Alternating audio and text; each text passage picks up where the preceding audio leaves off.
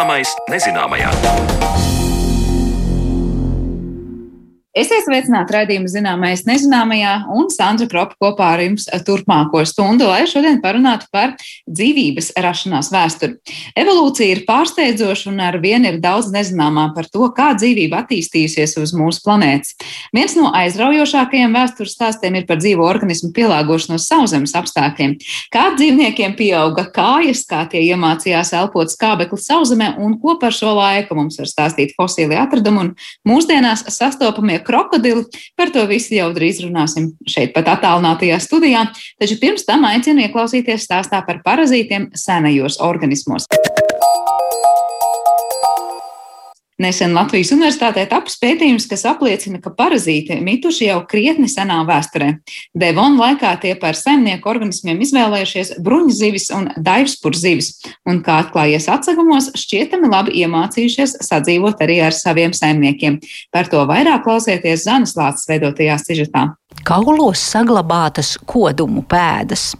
Tas izklausās kā detektīva stāsts par nozieguma risinājumu. Tikai šis pēdiņās noziegums ir noticis pirms aptuveni 400 miljoniem gadu. Runa ir par Devona periodu un to, kā tajā laikā mazītiņi vēzīši un tārpi bija apsēduši bruņu zīvis un daivspuru zīvis, radījumus, kas tā paša Devona perioda beigās jau bija izmiruši. Toties atradnes par zivīm un to nevēlamajiem apakšīrniekiem parazītiem ir saglabājušās līdz mūsdienām. Par to arī ir sekojošais stāsts. Geoloģijas doktorants Latvijas Universitātes geogrāfijas un zemes zinātņu students Valters Alksnītis pēta, kā šādi parazīti ir dzīvojuši zivju ķermeņos. Lai mēs kaut ko noskaidrotu par tiem parazītiskiem organismiem, kas ir mitinājušies šajos senajos dzīvniekos, mums ir vajadzīgs kaut kādas drošas pazīmes. Kas ir pašas drošākās pazīmes, kas liecinātu par šādu darbību, ir kādas atliekas pašiem organismiem, bet ņemot vērā, ka parazītiskā organisma tātad pārsvarā gandrīz visos gadījumos nesatur nekādus elementus, kas varētu fosilizēties un pēc zināmā laika arī saglabāties pēc tam nogulumos, kā tas, teiksim, ir ar kauliem, kas saglabājas tāda pētīšana ir stipri apgrūtināta. Un, um, nu, un šādi atradumi, kur mēs atrastu kaut kādus pašu parazītu atveiks, kas mums viennozīmīgi skaidri pateiktu, ka uh, ir bijuši tādu un tādu veidu parazīti, un mēs varētu no šīm atveikām izdarīt kaut kādas interpretācijas, tādu ir ārkārtīgi maz. Viens no unikāliem atradumiem, uz kuriem vēl aizvien atsaucas pasaulē atzīti zinātnieki, ir lodes karjerā pārakmeņojušās augstdevona laika bruņu zivju un bārkšspuru zivju fosīlijas, kuras šajā māla karjerā 1970. Gadā atklāja ģeologs Visvalds Kuršs. Tā teica Valters Alksnītis. Gan pēc šīm, gan citviet Latvijā atrastajām šo zivju fosīlijām un arī Latvijas universitātē kolekcijā esošajiem materiāliem Valters pēta, kā šie parazīti, kuri tolaik bija apsēduši bruņu zivis, tomēr nenogalināja savus saimnieku organismus pavisam, bet ilgstoši, tā teikt, sadzīvoja ar tiem. Šajās zivju atvilkās, kas tur bija, tika atrasta arī viņu dzīves vietā pašu parazītisku organismu atveiks, kas pasaulē ir unikāls atradums. Atradumiem citur ir tātad pa visu pasauli, pa visu ģeoloģisko griezumu ir dažas atradumi dažās vietās. Tātad kaut kāda kopējā bilde ir diezgan grūti rekonstruēt. Toties paši kauli ir atrodami gan daudzās vietās. Un zinām informāciju par šiem parazītiskiem organismiem un attīstību mēs varam spriest pēc tā, kādas tātad ir uh, atliekas atstātas uz pašiem kauliem. Jo parazītiskam organismam iedarbojoties tātad uz senēku organismu, senēku organisms uz to rēģē un ir iespējams atrast tātad zināmas šīs darbības pēdas. Tās darbības pēdas, kas līdz šim ir atrastas un interpretētas, liecina par to, ka šajos te mugurkaulniekos, kas dzīvoja Devona periodā, ir bijuši gan eksoparazīti, kas ir tātad ārēji piestiprinājušies pie kaula, Un, kā mēs par to zinām? Tādēļ, ka šīs darbības pēdas gan pēc morfoloģijas, gan pēc novietojuma diezgan droši saka, ka šis parazītiskais organisms ir piestiprinājies ārpusē. Par novietojumu šādas pēdas parasti ir novietotas uz kaulu ārējās virsmas, kas diezgan droši pasaka, ka šis parazīts ir stiprinājies no ārpuses, un tas ir eksoparazīts.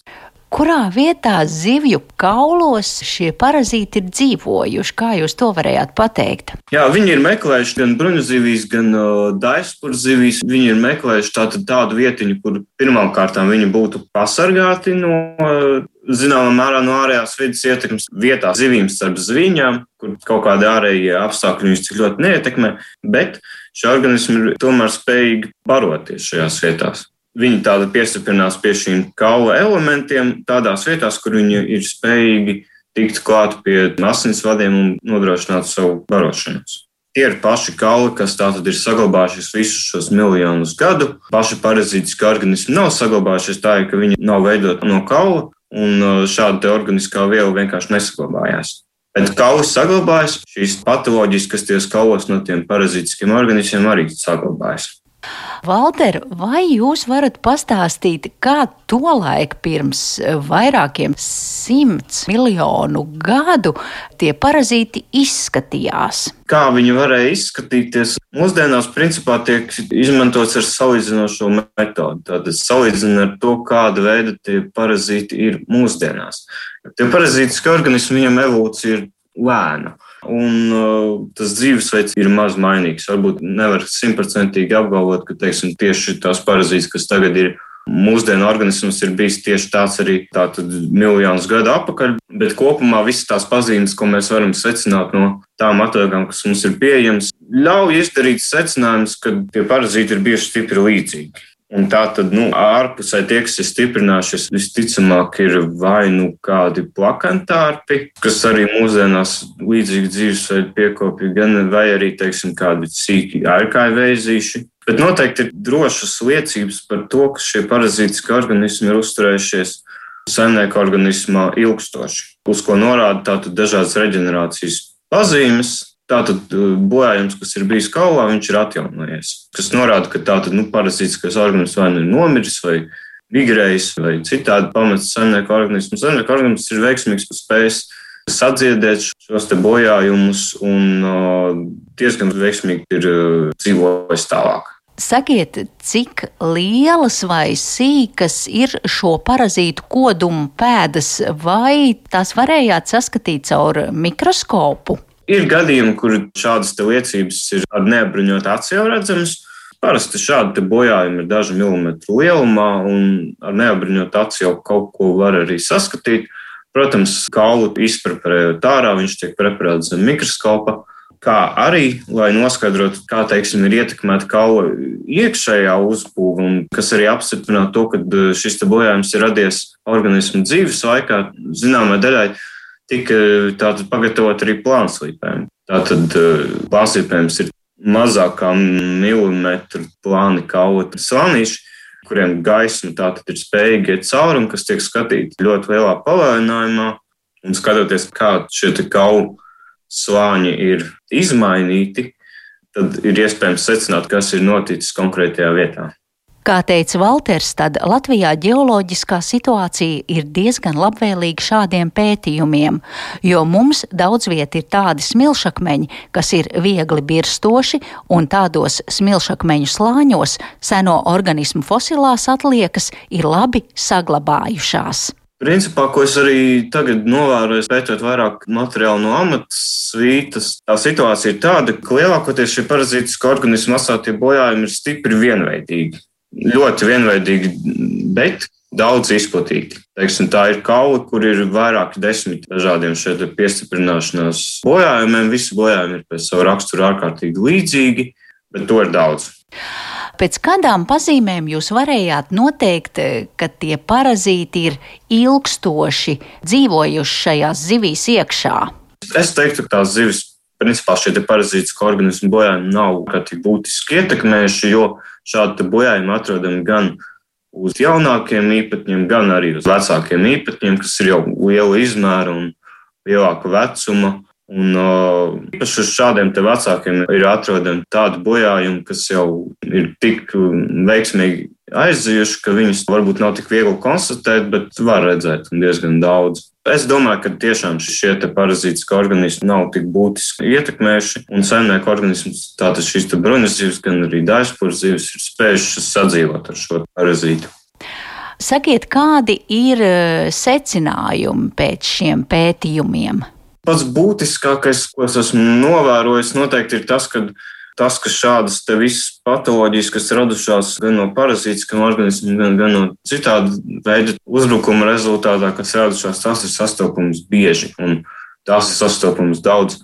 Valter, mani interesē, kāpēc jūs pētījāt tieši šo ļoti specifisko aspektu, proti, kā pirms e, vairākiem simtiem miljonu gadu parazīti ir apsēduši konkrētas zivis, kuras jau sen ir izmirušas. Zināmu laiku šī nozare patoloģija vispār pētījumi ir atstāta zināmā novārtā, ir tā, ka ļoti grūti interpretēt. Teiksim, ir atrodami kaut kādi bojājumi, un, ja nav sastopams klātas organisms, kas viņu ir izraisījis, ir ļoti grūti pateikt, kas tas ir.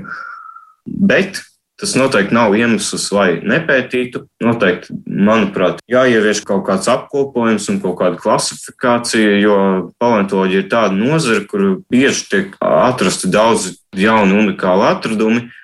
Un šajā tieši patoloģiju jomā ir tā, ka īsti tādas globālas sakārtotas sistēmas, kur būtu skaidrs, kā, kurā vietā kas izskatījās, kurā brīdī īsti nav. Un kas arī ir viens no iemesliem, kādēļ pētījumi ir bijuši apgrūtināti. Un mans secinājums ir tāds, ka šie pētījumi noteikti ir jāveic un noteikti ir jāmēģina visus klasificēt, kas ir atrasts, dokumentēt, un tad var izdarīt arī kaut kādus plašākus secinājumus. Ar pētījuma autoru Latvijas Universitātes doktorantu Walteru Alksnīti sarunājās mana kolēģe Zāne Lāce, bet tūdaļ studijā skaidrosim, kā dzīvā radība izkāpa no ūdens un sāka garo ceļu sauszemes apdzīvošanā.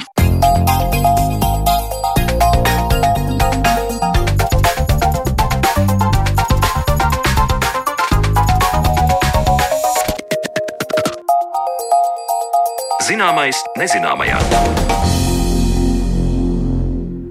Palūkojieties uz zemūdens pasauli, tā šķiet tik ļoti atšķirīga no apstākļiem uz Zemes, kā aizvien brīnumaini šķiet dzīvo būtņu evolūcijas posms, kurā tie pārcēlās no dzīves ūdenī uz sauszemi. Kā tas notika un cik daudz par šo periodu mums pasaules vēsturē ir zināms, par to šodien stāstīs mūsu sarunas viesis paleontologs, Latvijas Universitātes Geogrāfijas un Zemeszinātņu fakultātes geoloģijas nodaļas vadītājs profesors Ervins Lukševičs. Labdien! Labdien! Varbūt sāksim ar to, par cik tālu pagātni vispār mēs runājam, ja stāsts ir par to, kad un kā tad radās dzīvnieki, kas nu šobrīd apdzīvo sauszemes teritorijas. Šo procesu sauszemes apgūšanu daudzās valodās sauc par terestrializāciju, bet savukārt citi pētnieki uzskata, ka tā nav vienkārši tikai sauszemes apgūšana, bet pat sauszemes veidošana. Tāda kā tā tagad izskatās. E, zeme līdz pat Ordovika sākumam izskatījās pilnīgi atšķirīga nekā tagad. Pirms apmēram 480 miljoniem gadu tā bija pilnīgi tukšsašaina. Nekādas dzīvības pazīmes sauszemē. Un tad sākās tas process, ko attiecībā uz citām planētām mēs saucam par terraformēšanu. Un pirmie organismi, acīm redzami, tie ir bijuši augi. Dzīvnieki šajā procesā sāk piedalīties vēlāk. Sākot ar vai no Ordovika beigām, pirms apmēram 460, 450 miljoniem gadiem, bet visdrīzāk silūrā. Bet mugurkalnieki, mūsu pašu attālie radinieki un senči, pievienojās, ja drīkstēja izteikties šim procesam, tikai devonā un karbonā. Tie ir tie chronoloģiskie ietvari, ja runājam par e, sauszemes apgūšanas procesu. Varbūt par devonu karbonu pieminēto var uzreiz jūs palūgt eh, precizēt, nu tad apmēram, kura, cik miljoni gadi ir šis laika posms tālu pagātne? Pirmie, pirmie četrkājainie dzīvnieki kam bija potenciāls apgūt sauszemi, radušies Devona vidū apmēram varbūt ap 380, 370 miljoniem gadu, pirms mēs te sēžam. Savukārt, pirmās drošas sauszemes iemītnieku fosīlijas ir atrastas tikai karbonā. Tas ir krietni vēlāk, apmēram pirms 320 miljoniem gadu. Eh, bet tas jautājums par to, kā mēs varam atšķirt, kurš ir sauszemes un kurš nav sauszemes iemītnieks, ir jautājums nav no vieglajiem. Jo daudzas eh, pazīmes, kuras līdz zināmam laikam, pat vēl pirms 20 gadiem, uzskatīja par pierādījumu tam, ka, piemēram, ķepa ar pieciem pirkstiem, vai varbūt arī lielāku pirkstu skaitu, ir droša pazīme, ka tas ir sauszemes iemītnieks. Nekā tam līdzīga. Mēs taču zinām, ka roņi ir ūdens dzīvnieki, kaut gan spēj izlīst arī krastā un diezgan ievērojamu laiku pavada krastā, bet tomēr tie ir vairāk medī ūdenī. Un tāpat arī krokodili lielu daļu savas dzīves pavada ūdenī, kur ķepa lieliski nodara. Līdz ar to pat apgūstot, iegūstot ekstremitātes, nevis spuras, un šis process norisinājies Devonā. Ķepa vēl pati par sevi neliecina par to, ka dzīvnieks varētu būt bijis sauszemes iemīļots.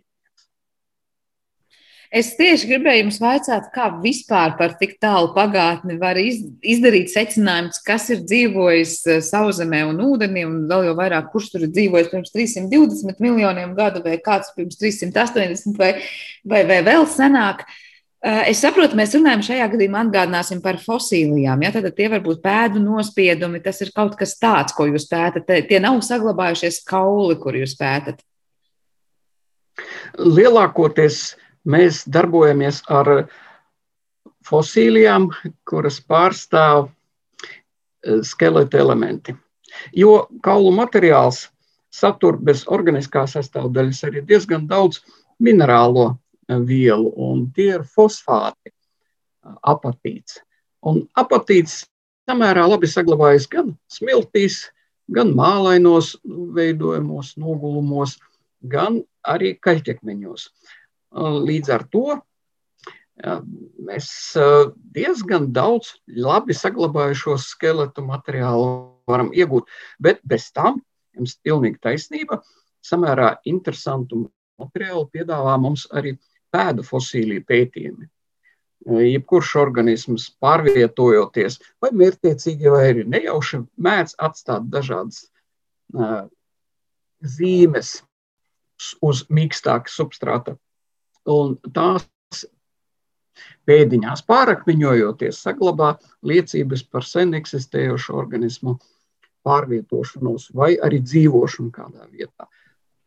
Bet kā, kā jūs kā pētnieki varat noteikt, nu, piemēram, šo pārakmeņojošo spēdu nospiedumu vecumu? Ja mēs runājam par kauliem, kas saglabājas, tur ir gan radioaktīvā oglekļa metode, gan, gan, gan es pieņemu vēl dažādi citi paņēmieni, kā noteikt, nu, kādas reakcijas, kad ir notikušas un notiek, lai saprastu, cik vecs ir šis materiāls, kā ir tām nospiedumu pārakmeņotajām liecībām. Jā, e, kas attiecas uz kaula materiālu vai skeleta elementu vecuma noteikšanu, izmantojot radiometriju, datēšanu pēc radioaktīviem elementiem, tad, diemžēl, tas vecums nav pārmērīgi liels. Kas attiecas uz radiometrijas datējumiem pēc radioaktīviem elementiem, tad ir zināmi ierobežojumi. Radioaktīvā oglekļa metode mums sniegs uh, ziņas par vecumu, kas nav lielāks par 50 tūkstošiem gadu. Diemžēl, kas attiecas uz devona četrkājienu vai dzīvību vai kādu citu organismu atlieku datējumiem, tad šādas metodas nav pieejamas. Un uh, labāks materiāls mums piedāvā magmatisko, tātad, vulkanisko iežu datējuma, datējumi un to salīdzināšana ar um, drupiežu vecumu. Un tas ir diezgan sarežģīts stāsts par to, kā mēs spējam korelēt savā starpā, jeb noskaidrot veidošanās vienlaicīgu uh, kad veidojās smiltis ar visām fosīlijām, piemēram, un veidojās noteikta vecuma mm, vulkaniskās segas, piemēram. Uh, viss tas ir diezgan sarežģīti notiek, bet pēc pašām fosīlijām, ne pēc pēdām, ne pēc skeletiem mēs precīzi vecumu noteikt nevaram, diemžēl. Tikai balstoties uz geoloģiskajām metodēm un korelācijām. Skaidrs tātad ir viens, ka process ir gana sarežģīts, un tas nav nedz vienkārši izskaidrojums un izstāstāms, nedz vēl jau vairāk realizējums, bet uh, zinātnieku vidū tātad ir skaidrība, labi, jūs minējāt šos, kā saka, laika atskaites punktus, piemēram, 380 miljonu gadu sena pagātne, kad ir pirmie četrkājainie, kas, es saprotu, tātad, uh, jūs teicāt, kuriem ir potenciāls apgūt savu zemi, uh, Kā tas jāsaprot? Ko nozīmē ir potenciāls apgūt savu zemi? Tas nozīmē, ka mēs vēl nezinām, vai viņi dzīvoja savu zemē vai nedzīvoja, bet viņi vismaz bija pielāgoti to darīt. Kas mums ir zināms par šiem dzīvniekiem? Uh, mums ir diezgan daudz tagad, uh, gan fosīliju atradumi ir plaši kopš 1932. gada, kad atklāja pirmo devonu četrkājienu dzīvnieku atliekas Grenlandē, līdz mūsdienām ir apmēram aptuveni ap 20 dažādām sugām, dažādās pasaules vietās. Viena no pēdējiem atradumiem ir no Dienvidāfrikas, tad vēl arī no Timāna, kas ir Komi republikas un vēl uz, nedaudz uz ziemeļiem.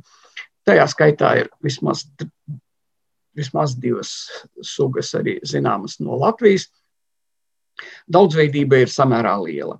Un vismaz četras sugas mūsdienās ir rekonstruētas ļoti labi. Mēs izprotam morfoloģiju, tā ir akantostega, tā ir ihtiostega no Grenlandes, tā ir ventastega no Latvijas un uh, pavisam nesen 19. gadā publicēta vēl viena ļoti labi zināma suga parmastega elide no Komi republikas raksts re, relatīvi nesen iespiests žurnālā Nature. Tur es arī biju piektais, vismazāk uh, nozīmīgais pēc visas spriežot autors. Uh, līdz ar to morfoloģija ir zināma labi.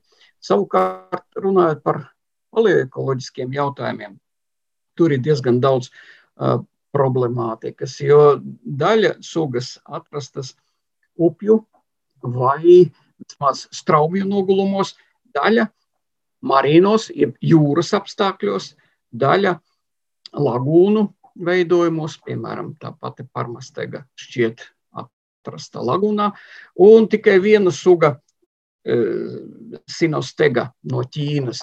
Nu, tiek rakstīts, ka tā atrasta kontinentālā baseina nogulumos, bet nu, iet runa tomēr par interpretācijām. Uh, Un um, šeit vēl jāpiezīmē arī tas, ka, uh, lai pielāgotos dzīvei sauszemē, ir nepieciešams pārvarēt veselu virknu grūtību. Pirmkārt, tā ir gravitācija. Ūdenī, pateicoties ūdens sēlē spēkam, to vēl Arhimēds savulaik noskaidrojis, um, nu, nav jābūt ārkārtīgi spēcīgai muskulatūrai, lai noturētu uh, savu ķermeni ūdens vidē. Citādi ir gaisa vidē. Otrakārt, jāpilnveido skābekļa ieguve. Kādā ziņā mm, lielu daļu ūdens dzīvnieku elpo, kā zināms, ūdenī izšķīdušo skābekli un nav toleranti pret samērā augstu skābekļa saturu. E, jūs nepārklausieties, tiešām daži jūras organismi necieš pārāk augstu skābekļa saturu. Savukārt, tie, kas dzīvo gaisa vidē, viņi saskaras ar samērā augstu skābekļa saturu, mūsdienās 21%. Tas ir daudz, Devonā gan bija mazāk. Treškārt, jādomā par ūdeni. Uh, ūdeni organismā un uh, ūdens novadīšanu kaut kur, nu, piemēram, augiem tas ir ļoti būtiski. Uh, dzīvniekiem varbūt mazākā mērā, bet tomēr mēs varam iztēloties jebkuru e, jūras dzīvnieku kā tādu maisu ar ūdeni, kas peld ūdenī. Šajā gadījumā osmotisko spiedienu regulēt ir samērā vienkārši. Savukārt sauszemes dzīvnieki ir maisi ar ūdeni gaisa vidē. Un te ir pavisam citas problēmas. Tieši par to es gribēju jautāt, kā tie dzīvnieki pārējo no šīs ūdens vidas, kā jūs esat nu, maisi ar, ar, ar ūdeni, ja, tātad ūdens vidē.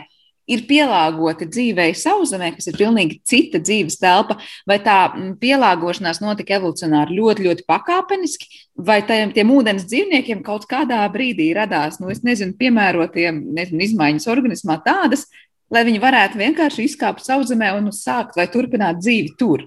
Proti, šie, šī vides pār, pārmaiņa notika strauji vai pakāpeniski? Mugurkalnieki, kur ir tagad ļoti labi raksturoti, mēs zinām daudz zivju formas no Devona, samērā daudz, kā es minēju, četrkāju sugu, un karbonā mēs pazīstam jau tipiskas sauszemes formas, mēs varam izsekot, kā pakāpeniski pārmainījās dažādas morfoloģiskās pazīmes, un acīm redzot, arī ekoloģija ļoti pakāpeniski mainījusies. Nu, piemēram, runājot par uh, atbalstu, kā pārvarēt gravitāciju. Kāja pēc būtības ir daudz labāks um, instruments, lai pārvietotos gaisa vidē, salīdzinot ar spurām. Jūs piekritīsiet, ar spurām nu, zutis spēja izdzīvot sauszemes apstākļos da, dažas stundas un spēja pārvietoties no dīķa līdz upītei. Bet tas arī viss. Savukārt ar kājām var aizķāpot diezgan tālu. Pat ja pārvietošanās nenotiek ļoti strauji, bet tā kā krokodils to dara. Savukārt, runājot par uh, skābekli, par skābekļa elpošanu. Izrādās, divēdi elpojošās zivis spēja izdzīvot vairākus mēnešus baseinā, dīķī vai upē, kur vispār skābekļa nav. Tāpēc, ka tās elpo gan ūdenī izšķīdušo skābekli ar žaunām, gan elpo atmosfēras gaisu. Un starp mūsdienu organismiem divējādi elpojošās zivis kaut pavisam nemaz neizskatās pēc mūsu Eh, brālēniem attāli, tomēr ļoti, ļoti attāli mūsu radinieki. Un eh, Devona četrkājieni arī bija spējīgi elpot gan atmosfēras gaisu, gan bija funkcionālās žaulas. Tādas atrastas, piemēram, jau minētajā akantostegai no Grenlandes. Tātad tāda pazīme kā uh, skābekļa uzņemšana no atmosfēras parādās jau uh, pirms apmēram 390, pat varbūt 400 miljoniem gadu. Savukārt kāja, pirmā kāja, radusies krietni vēlāk. Un šos divus pielāgojumus atšķir savā starpā aptuveni 40 miljonu gadu. Piemēram, pārvietošanās ūdenī un pārvietošanās sauszemē atšķiras diezgan spēcīgi, lokomocija atšķirīga. Pēc, spriežot pēc skeleta uzbūves, ihtiostiegai ir zināmi pilni skeleti. Mēs varam iztēloties, ka šis dzīvnieks pārvietojās, ja pārvietojās sauszemē, līdzīgi ronim uz trīkāja. E, divas priekšējās ekstremitātes varēja vairāk vai mazāk neatkarīgi balstīties pret substrātu, bet pakaļējās ekstremitātes šim dzīvniekam bija vērstas uz aizmuguri, kā ronim. Un līdz ar to, e, līdzīgi ronim, atspēršanās ar pakaļējām ekstremitātēm notika vienā punktā. Tas milzīgs trīkājs. Nu, cik tas efektīvs tālu attālumu pārvarēšanai, jūs varat spriest paši, nepārāk. Ja? Ventastega acīm redzot, bija pilnīgi akvātisks dzīvnieks un spēja pārvietoties galvenokārt tikai ūdenī. Varbūt šad un tad izkāpa krastā, varbūt laiski pagulētu un nedaudz uzkrātu enerģiju, saules enerģiju, sasildītos, bet, domājams, darīt to ārkārtīgi reti. Līdz ar to, saprotiet, tā pazīmju mozaīka mums rāda, ka šis terestrializācijas un tetrapodizācijas process, tātad četrkājaino izveidošanās un sauszemes apgūta sākumā parādījās četrkājaino pazīmes, un tas notika jau Devonā. Un tikai pēc tam, balstoties uz tām pazīmēm, kuras noderīgas dzīvē sauszemē, pārējai uz sauszemi pa īstam notika, nu, varbūt kāds 40 vai pat 50 miljonus gadu vēlāk. Jā, no nu mūsu acīm raugoties, 40-50 miljoni.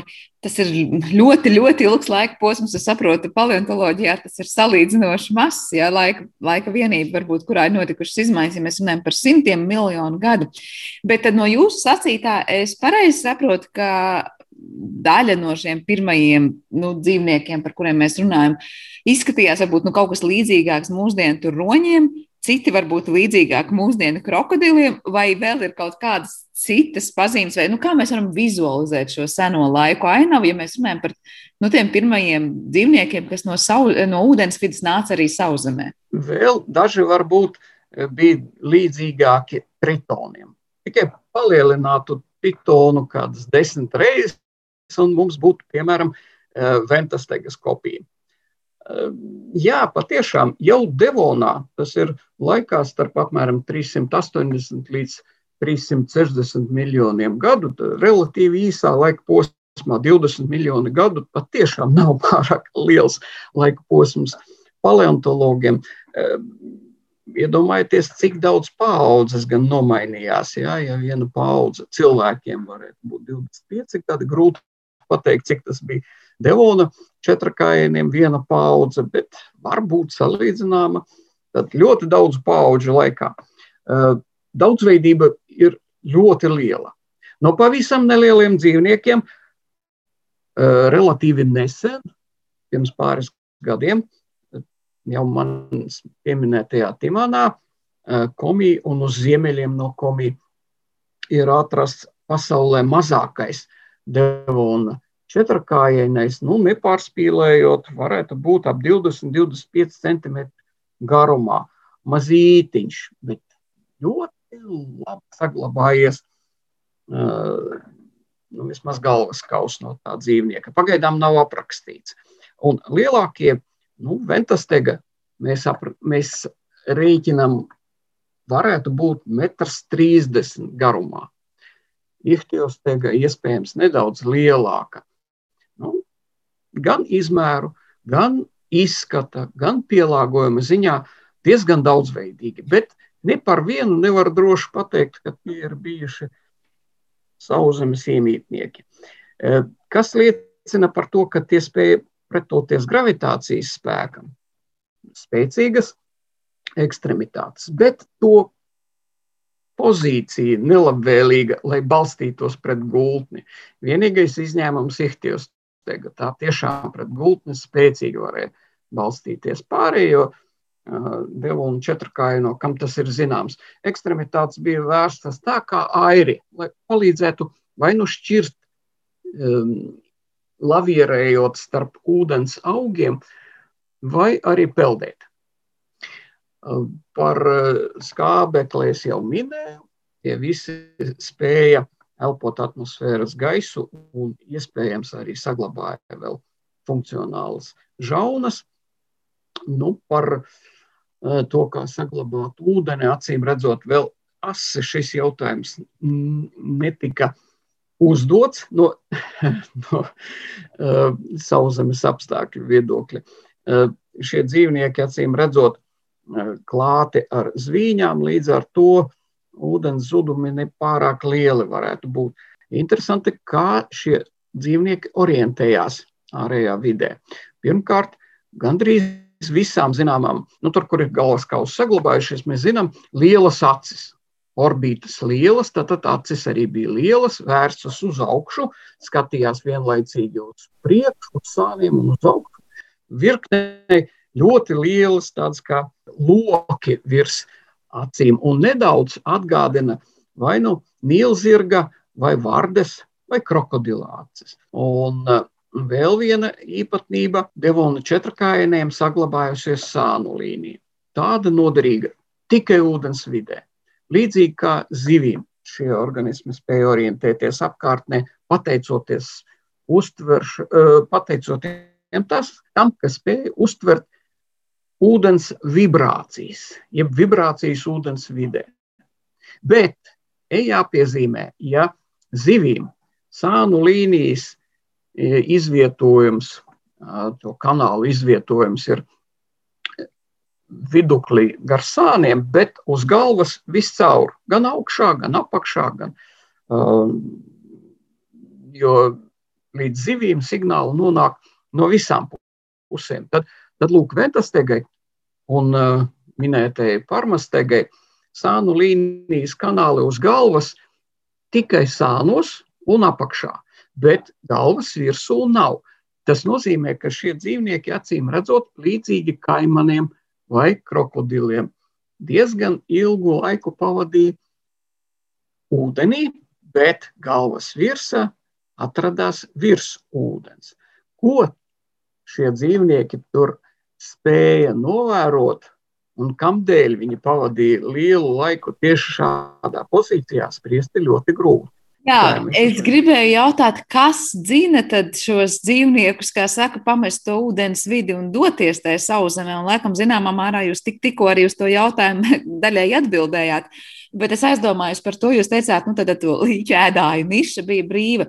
Tad tie, kas to laik sauszemē, dzīvoja un varēja kļūt par šiem potenciāliem barības objektiem šiem dzīvniekiem, bija vienkārši vienkāršāki organismi. Tie nebija četrkājaini, tie nebija mugurkaulnieki, tie tā tad apdzīvoja savu zemi un bija, var teikt, nu, ēšanai piemēroti jau tā laika dzīvniekiem.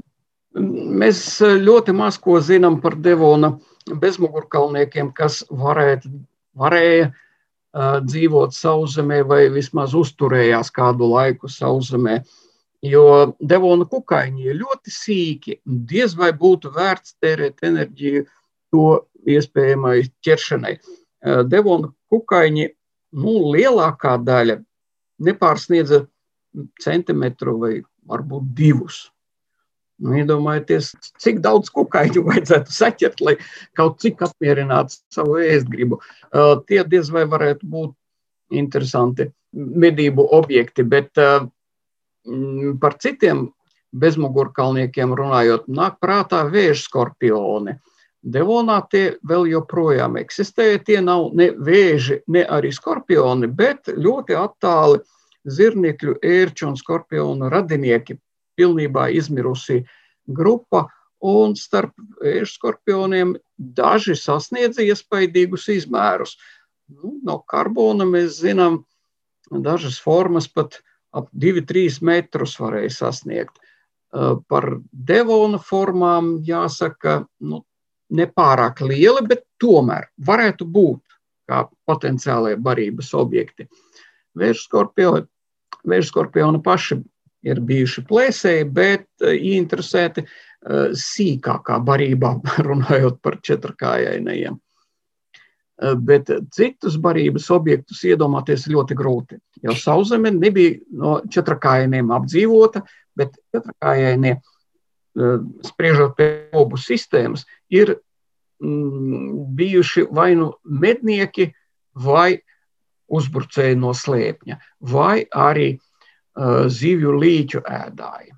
Tas nav izslēgts. Versija, ka varbūt šie četrkājieni devās sauszemē ēst augu pasauli, ir izslēgts variants, vai tas ir arī kā viena no versijām, ko viņi varēja ēst? Mēs zinām, ka pirmie droši zināmie augēdāji ar plakanākiem zobiem, kas ir pielāgoti vai nu nokošanai, vai tādas cietākas augu barības pārstrādē, radušies tikai karbona beigās. Tas ir apmēram pirms 300, 310 miljoniem gadu. Savukārt visu devonu četrkājaino zobi ir gandrīz vai visos gadījumos zobu sistēmas ir vienādas. Zobu ļoti daudz, un tie ir ļoti asi, Kas bija tas, lai visas šīs pielāgošanās mehānismi veidotos šiem dzīvniekiem, un tad no, no ūdens vidas viņi pāriet arī dzīvē uz sauszemi, ja tur vēl nebija tik daudz, varbūt tādu ļoti kārojamu barības objektu? Kā jums liekas, nu kas ir tas, kas evolūcijā šo soli lika spērt? Kas atmaksājās šiem dzīvniekiem, vai viņiem bija kāds atkal iekšējais ienaidnieks tajā ūdens vidē? Tur tā konkurence bija pārlieku liela, kāpēc radās nepieciešamība pēc pilnīgi jauna tipa teritorijām. Jā, šī ir ļoti smaga problēma, par ko paleontologi nebeidz strīdēties un diskutēt, kas tad ir tie dzinējspēki, kas liek apgūt jaunas teritorijas. Ja mēs attiecam to uz cilvēku, tad skaidrs, mūs dzen uz priekšu ziņkāra. Tā tika atklāta Antarktīda, tam dēļ cilvēks izsēdās uz mēnesi un tā tālāk par nu, ne tik intelektuālām būtnēm kā devona četrakājiem, ja to noteikti nevar tā nopietni apsvērt. Bet visdrīzāk jums taisnība ir konkurence. Jūras seklās, tajā skaitā jūras, arī piekrastes, delta zonas, estuāri un lagūnas ir bijuši pilni ar dažāda veida spēcīgām, mazāk spēcīgām zivīm. Un iespējams, ka um, evolūcijas dzinējs šajā gadījumā iziet kādā vidē, kur varbūt varētu kādas jaunas ekoloģiskās nišas apgūt, vai arī spiediens tādā, tādā ziņā, ka mainījās kaut kādi noteikti apstākļi jūrā, kas lika dažiem dzīvniekiem pielāgoties dzīvē jaunā vidē, jo viņi tur nonāca. Un šajā ziņā deltu zonas, kas bija plaši izplatītas ap Eirameriku, tāds liels kontinents no mūsdienu Ziemeļamerikas un Austrumēropas, ieskaitot arī Grenlandi, ap šo kontinentu pateicoties tam, ka kontinenta vidū bija augsti kaledonīdu kalni, tos dažkārt mm, vēl dēvē par Old Red Sandstone kontinentu kalniem, tad seno sarkano smilšakmeņu kontinenta kalni. Pateicoties šiem kalniem, kas drupa un materiāls nonāca jūrās, gan Baltijas valstīs, Ziemeļ rietumu Krievijā, Polijā un pretējā pusē gan Grenlandē, gan uh, Ziemeļamerikas austrumdaļā pieauga samērā seklu ūdeņu skaits, kuros ir ļoti daudz smilšaina mālaina materiāla. Iespējams, uh, pārējot elpot atmosfēras gaisu, un tādiem organismiem, kas to spēja, bija priekšrocības.